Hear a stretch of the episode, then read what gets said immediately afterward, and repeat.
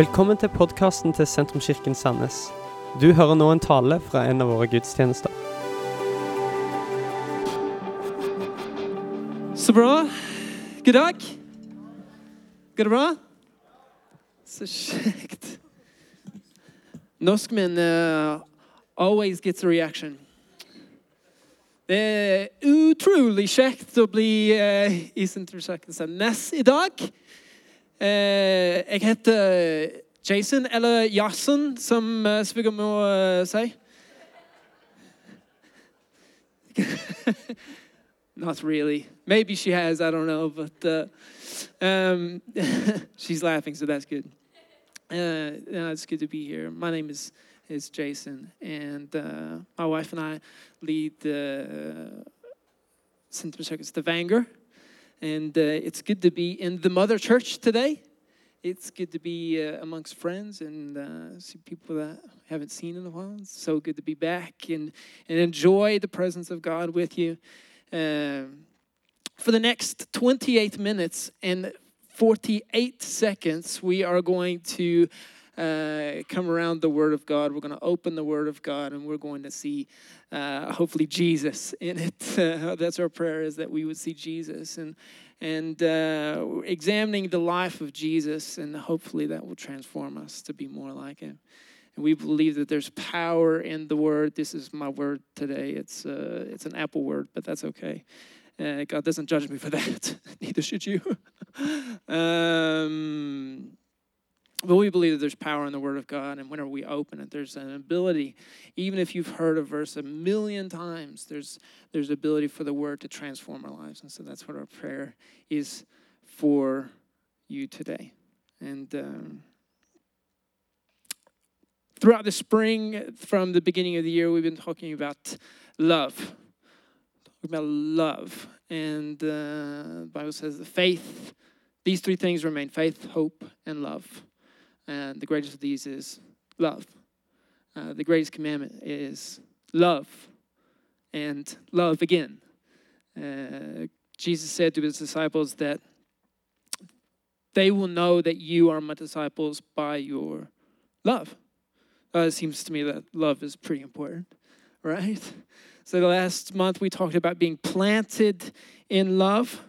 We know that being planted in love it means being planted in God. God is love. So being planted in love, being planted in God is the same thing.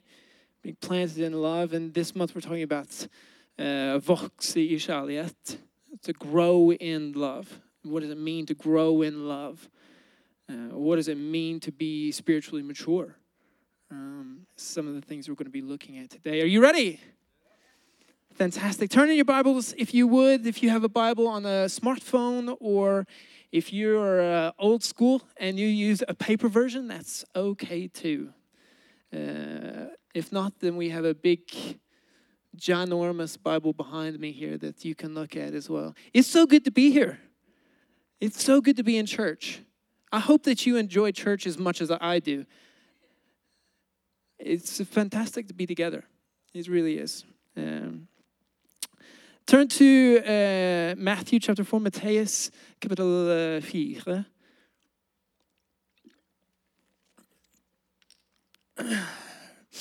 Verse 18 through 20. This is the very beginning of Jesus' ministry. This is kind of the kickoff, the launch kind of of his ministry.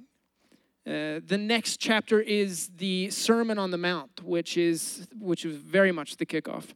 Uh, but this is the beginning uh, right here. It says, "And Jesus, walking by the Sea of Galilee, saw two brothers, Simon called Peter, and Andrew, his brother, casting a net into the sea, for they were fishermen. And he said to them, Follow me." And I will make you fishers of men. And they straightway left their nets and followed him. Uh, question for you today Have you ever had a stalker?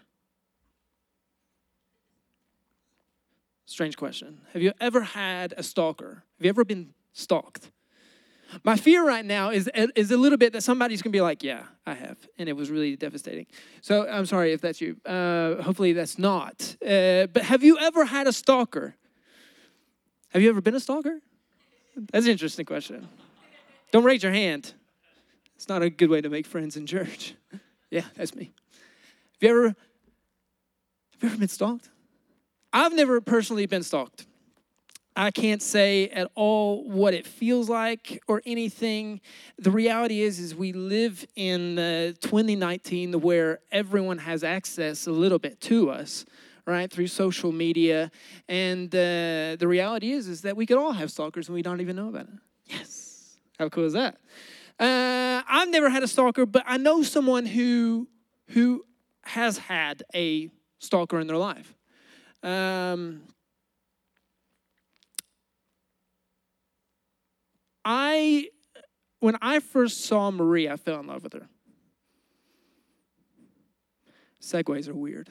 Uh, whenever I first saw Marie for the very first time, I was like, this is the most beautiful creation, creature in the, the whole world, right? And uh, I wanted to, to know more about her. And so, of course, I jumped on Facebook and Instagram. I looked at every post. I read every little thing. I read every tweet that she twittered. That's a weird one to say. I read everything, everything that was available to me. I jumped online and I read it. And then I took the extra deep dive and not even just looked at the pictures that she posted, but that other people tagged her in. And then I looked at the hashtags. I went pretty deep down in the dive of uh, creepiness, you know what I'm saying?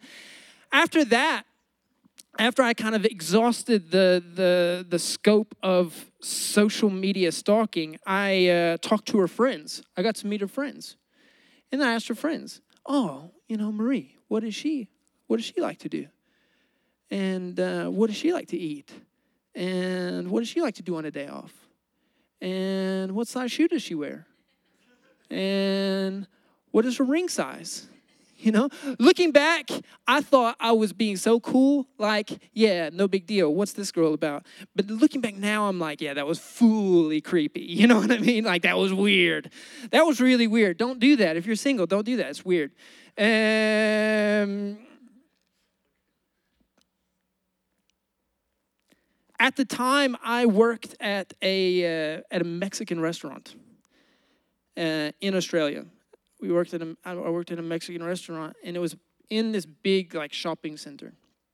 And across the across from the Mexican restaurant, there was a bookstore, and I would usually go there and spend my breaks there, kind of reading. I would have a coffee and just relaxing and, and getting ready to go back to work, and. Uh, and I thought about it one day, and I thought, okay, I know I know a lot about Marie now. You know, I, I understood. But there was one thing that I didn't know anything about, and, and I didn't know anything about Norway. And so one day, while I was at the bookstore, uh, I decided, oh, I, I'll pick up some books on Norway and learn about Norway, right? That seemed like a really smart thing to do. I thought, wow, I know so much about this girl. She doesn't even know my name. It's fantastic. And so I started, I picked up like four or five books on Norway, like traveler's guides and different things like that. And uh, I sit down and I had a coffee and I was reading all about the beauties of Norway. Trolls and Vikings, and I don't even remember. But I was reading all about Norway, and then all of a sudden, at the corner of my eye, I see somebody that looked familiar. And I thought, oh, that's that's strange. Like I, I don't know. I, I, I wasn't quite sure that I saw them properly, but I saw. I thought I saw somebody at the corner of my eye that looked familiar, and I was like, oh, that's strange. I didn't think anything of it, and I went back to reading. And a couple minutes later, I I saw somebody similar, and I was like, oh, they look familiar, right? And then I looked again but this time I kind of put a little bit more focus into it, and, and it was one of Marie's friends. And, and I thought, oh, that's, that's, that's not good. you know, here I am being creepy stalkerson over here with the Norwegian books, and uh, they are good friends with Marie. I thought, ah, this is not a good situation to be in, and and uh, and I said, okay, no big deal. And then about that same time, another friend came in, and another friend came in, and there was like four or five people, and then behind them, Marie walked in, and I thought, if Marie even sees these books of Norway in my hand, I'm done for, right? I officially become the creepiest, weirdest person ever, right? And I so I tried to hide it and play it cool. And they came over to me and said, "Oh, you know, what are you doing? How are you?" And I was like, "Oh, doing good, doing good. Uh, oh, are you on a break? Yeah, I'm going back to work now." And uh, all was good. And I was like, "Oh, you know, look at the time. I really need to go." And and uh, and they were like, "Yeah, yeah, see you later." Oh, one of them asked, "Oh, what are you reading?" And I, Have you ever been caught in public, like scratching your nose, and someone sees you, and you're like, "No, no, no, I was just." Ah, okay, you got me. That's essentially what happened. It was like, ah, you're weird. I was like, yes, ah, fantastic. The best part of the day was when I got to go back to work and serve tacos for another four hours with a smile on my face. Glory to God. That was fantastic. Have you ever have you ever known a stalker? Have you ever been around someone who is stalky? I don't even know if that's a word. I think sometimes we have the tendency to, uh, in a way, kind of stalk God or to stalk Jesus, don't we? I mean, we can know so much about who God is. We can read everything in the Greek and the Hebrew. We can, we can, we can study the commentaries and the text, and we can know so much about who God is and about who Jesus is. But do we know who God is at all? I, it's, uh, it's a bit of an interesting thought that we can we can we think that we can be so close to somebody, but but really we don't know them at all. are, are, are you do we stalk God sometimes?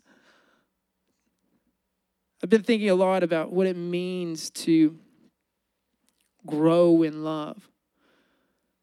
What does it mean to grow in love? And I and I read this verse and I thought, oh, that's so simple but so beautiful. Jesus walks up to these brothers who are fishing on a boat with the nets and he says, Come follow me. And I believe in a very simplistic uh, Christian walk. I believe it's very easy. In nature, it's hard to walk out, but it's it's it's simplistic in, in its in its nature. I think to grow in love looks a lot like following Jesus. It's not, it's not complicated. It's not difficult. It's difficult to walk out. But it's simple in nature. The Apostle Paul is a great example of this, right? The Apostle Paul, before he was Paul, he was Saul. And Saul was one of the most educated, one of the best educated men around at the time. He knew the law backwards and forwards, forwards and backwards. He was brilliant. I mean, you can read the New Testament and you can see he was brilliant. And he hated Christians. He hated Christians, hunted Christians. But he knew all about who God was. He knew all about it. He knew who God was. He knew the stories, he knew all about it. Yet he persecuted, he hunted Christians. And it wasn't until God encountered him, knocked him off of his feet, did he actually begin to follow God. Can you know about God and not know God all at the same time? The difference between a stalker and a follower is stalkers have to see from afar. Stalkers have to look from afar. But followers have access. The difference between being a stalker and a follower is a stalker can't come up and say hello because it's weird. They have to sit and read the books about Norway in the bookstores. but followers have access. Followers have an open door anytime they want. Oh, I can come right in. Uh, do we stalk God sometimes? Do we stalk God sometimes? I remember growing up, I uh, there was there was so much talk about maturity, and uh, they're mature or they're mature, and it was such a big deal, and I I really didn't understand why. Like for me, I as a, as a young man of ten or eleven years old, like what did I care about maturity, right? like I I knew that sports were fun uh, music was cool, and girls were pretty. Like, glory to God, that's all you need, right? Who cares about maturity? I've got everything I need here. Leave me alone with your maturity nonsense. Uh, but everyone talk about mature. Oh, they're so mature for their age, and little Johnny is so mature. And I'm like, no, Johnny's a jerk. He's just nice to you, you know, whatever. Uh, I didn't actually say that. I'm nice to people, but um, but I I wanted people to think that I was mature. I didn't understand what it meant to be mature, but I knew what it looked like, right? I knew what it looked like. And I wanted people to think I was mature, so I did the things that looked mature at the time. And, and very easily, people were able to say, oh, yeah, he's mature too. Was I mature? No, didn't have a clue. Sports, music, girls. That's all I cared about. But I was able to show people that I know how to look mature. And I think there's something special about that, that looking back, I was able to grow up and I was able to mature by kind of acting it or faking it out. But I was able to outwork, oh, this is what it means to be an adult. This is what it means to grow up. This is what it means to, to, to, to be mature through faking it. But it didn't matter. I think oftentimes in life, in order to, to, to learn something, you just kind of have to take the step and just start doing it. How did Christ show his love? Oh, he did it, right? He died on the cross, right? He died for our sins. How did he show love? He he did something. I think more and more that love isn't something that's stationary. It's not something that's standing still. Love moves. Love goes. Love does. I mean, we can, we can know all about love from lead, reading about it, but if you don't experience it, if you don't have any access to it, if you can't touch it, then you have no idea what it really is about. When we follow Jesus, we have access to the greatest love of all.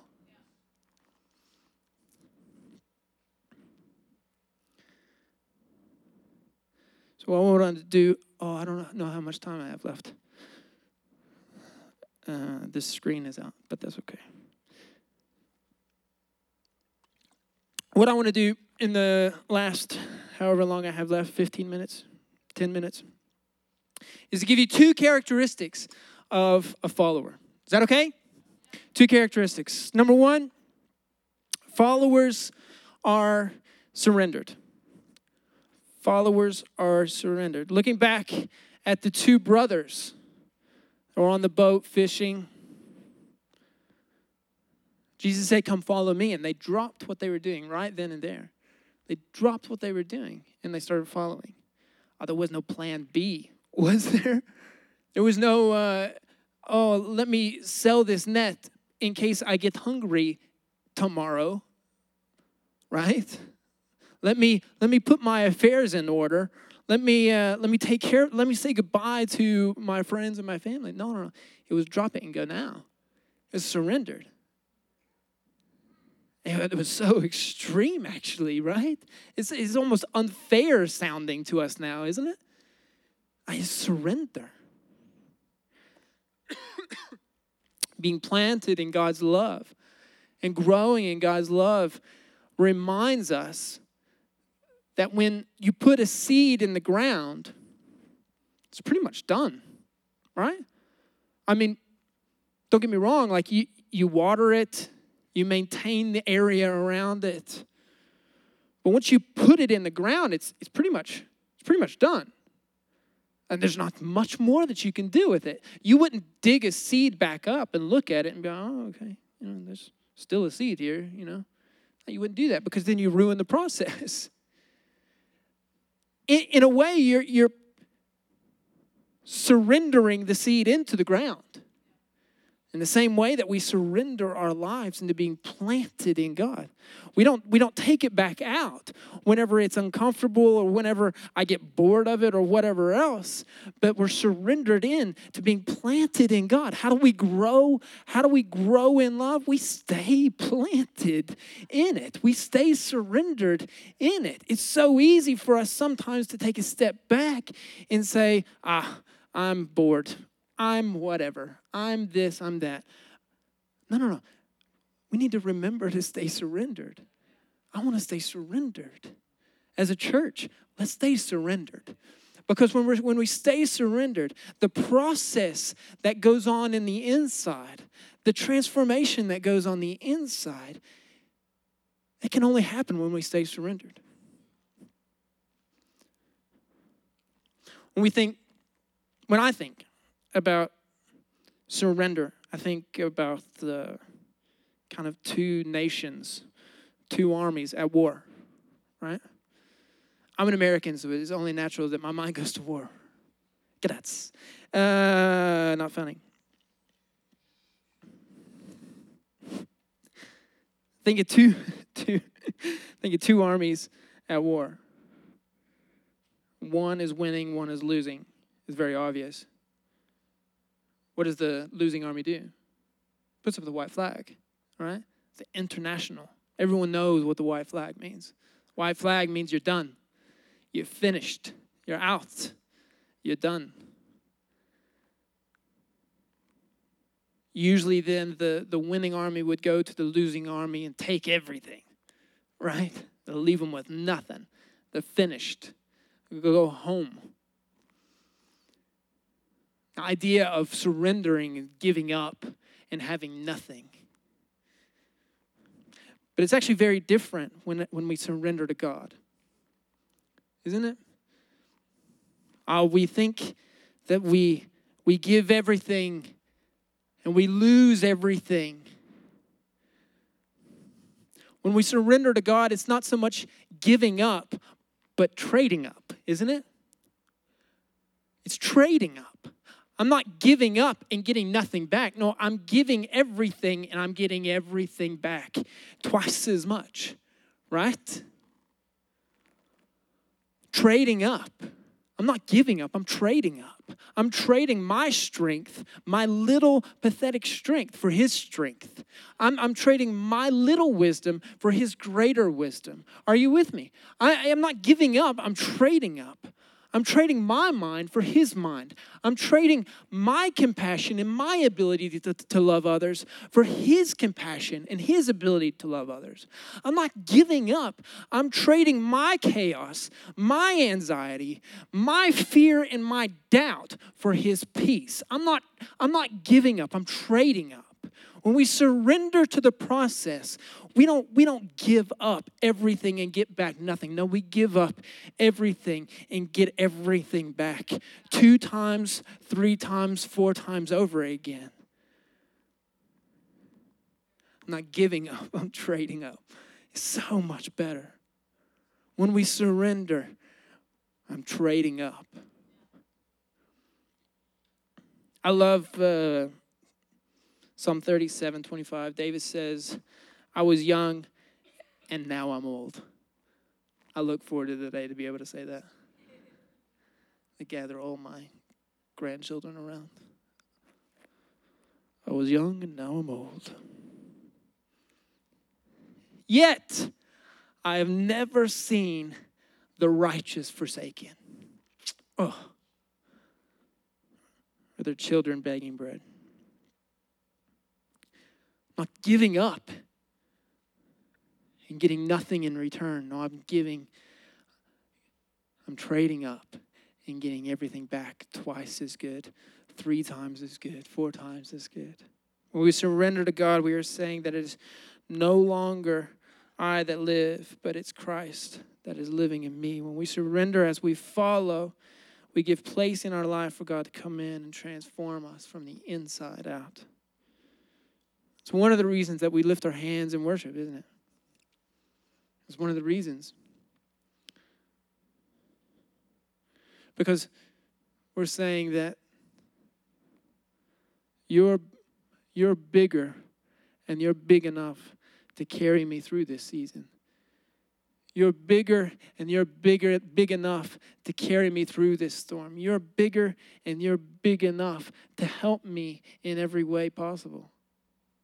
We lift our hands in surrender to say that God, in everything in life that is begging for my attention, that is begging for my devotion, that is asking for my life, God, you are the only one worthy. You, God, alone are worthy of my devotion. You're worthy of my praise. You're worthy of my adoration. You're worthy of my surrender.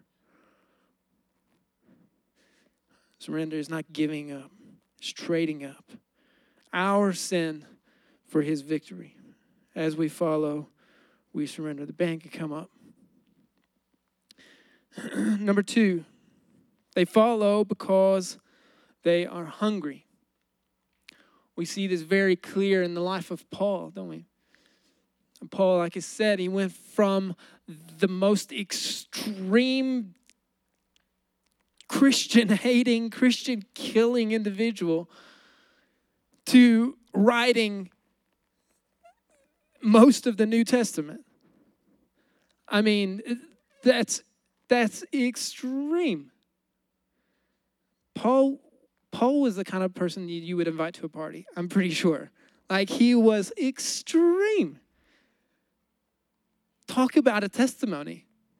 His testimony is better than everyone's in here, period. For sure, right?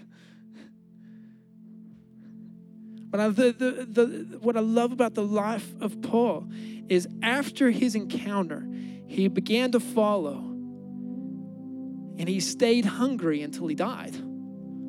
He kept following. There, there's, there's something about hunger that, that produces passion to keep going. One of my favorite stories in the Bible is, is about someone who is following Jesus, actually. This person is following Jesus and uh, they're sick and they're in a place where they shouldn't be. Where they're at in the city is technically made them illegal. They shouldn't have been there, they were a criminal. They're following Jesus because they were hungry to touch God. Knew that Jesus was coming into town and said, It doesn't matter what happens to me, I'm going to touch God. Been sick for 12 years. 12 years. No place to go, nothing they could do, no way to fix the situation. Been to all the doctors. This was the last hope. They followed and they were hungry enough to be transformed because as the moment that they touched God, everything changed. They were healed, they were whole in the, in the situation that they were dealt with for most of their adult life. Suddenly, in the moment, everything's different. Our followers are transformed. I don't know about you. I don't want to know God from afar. I don't want to see God from afar. And I know that in times, if, you've been following Jesus for, for any length of time, it, life can get distracting and life can get full and life can whatever.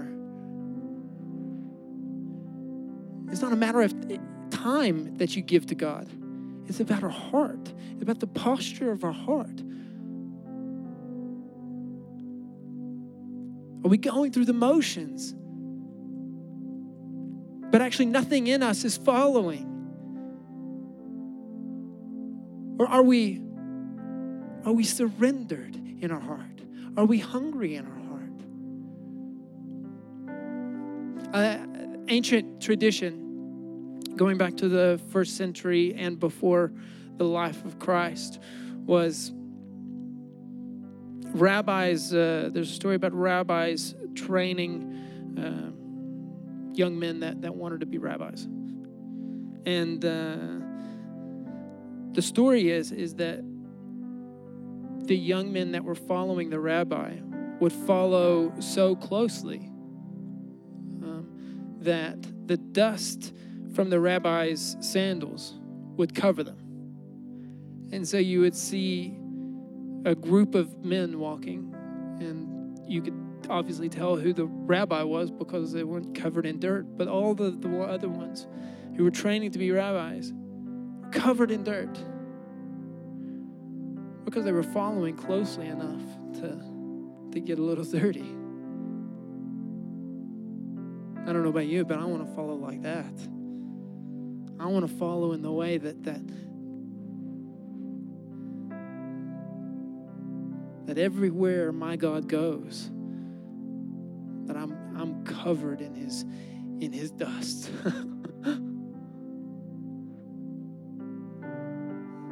Ancient tradition says that, that when they spent so much time with the rabbi that over time they ended up smelling like him.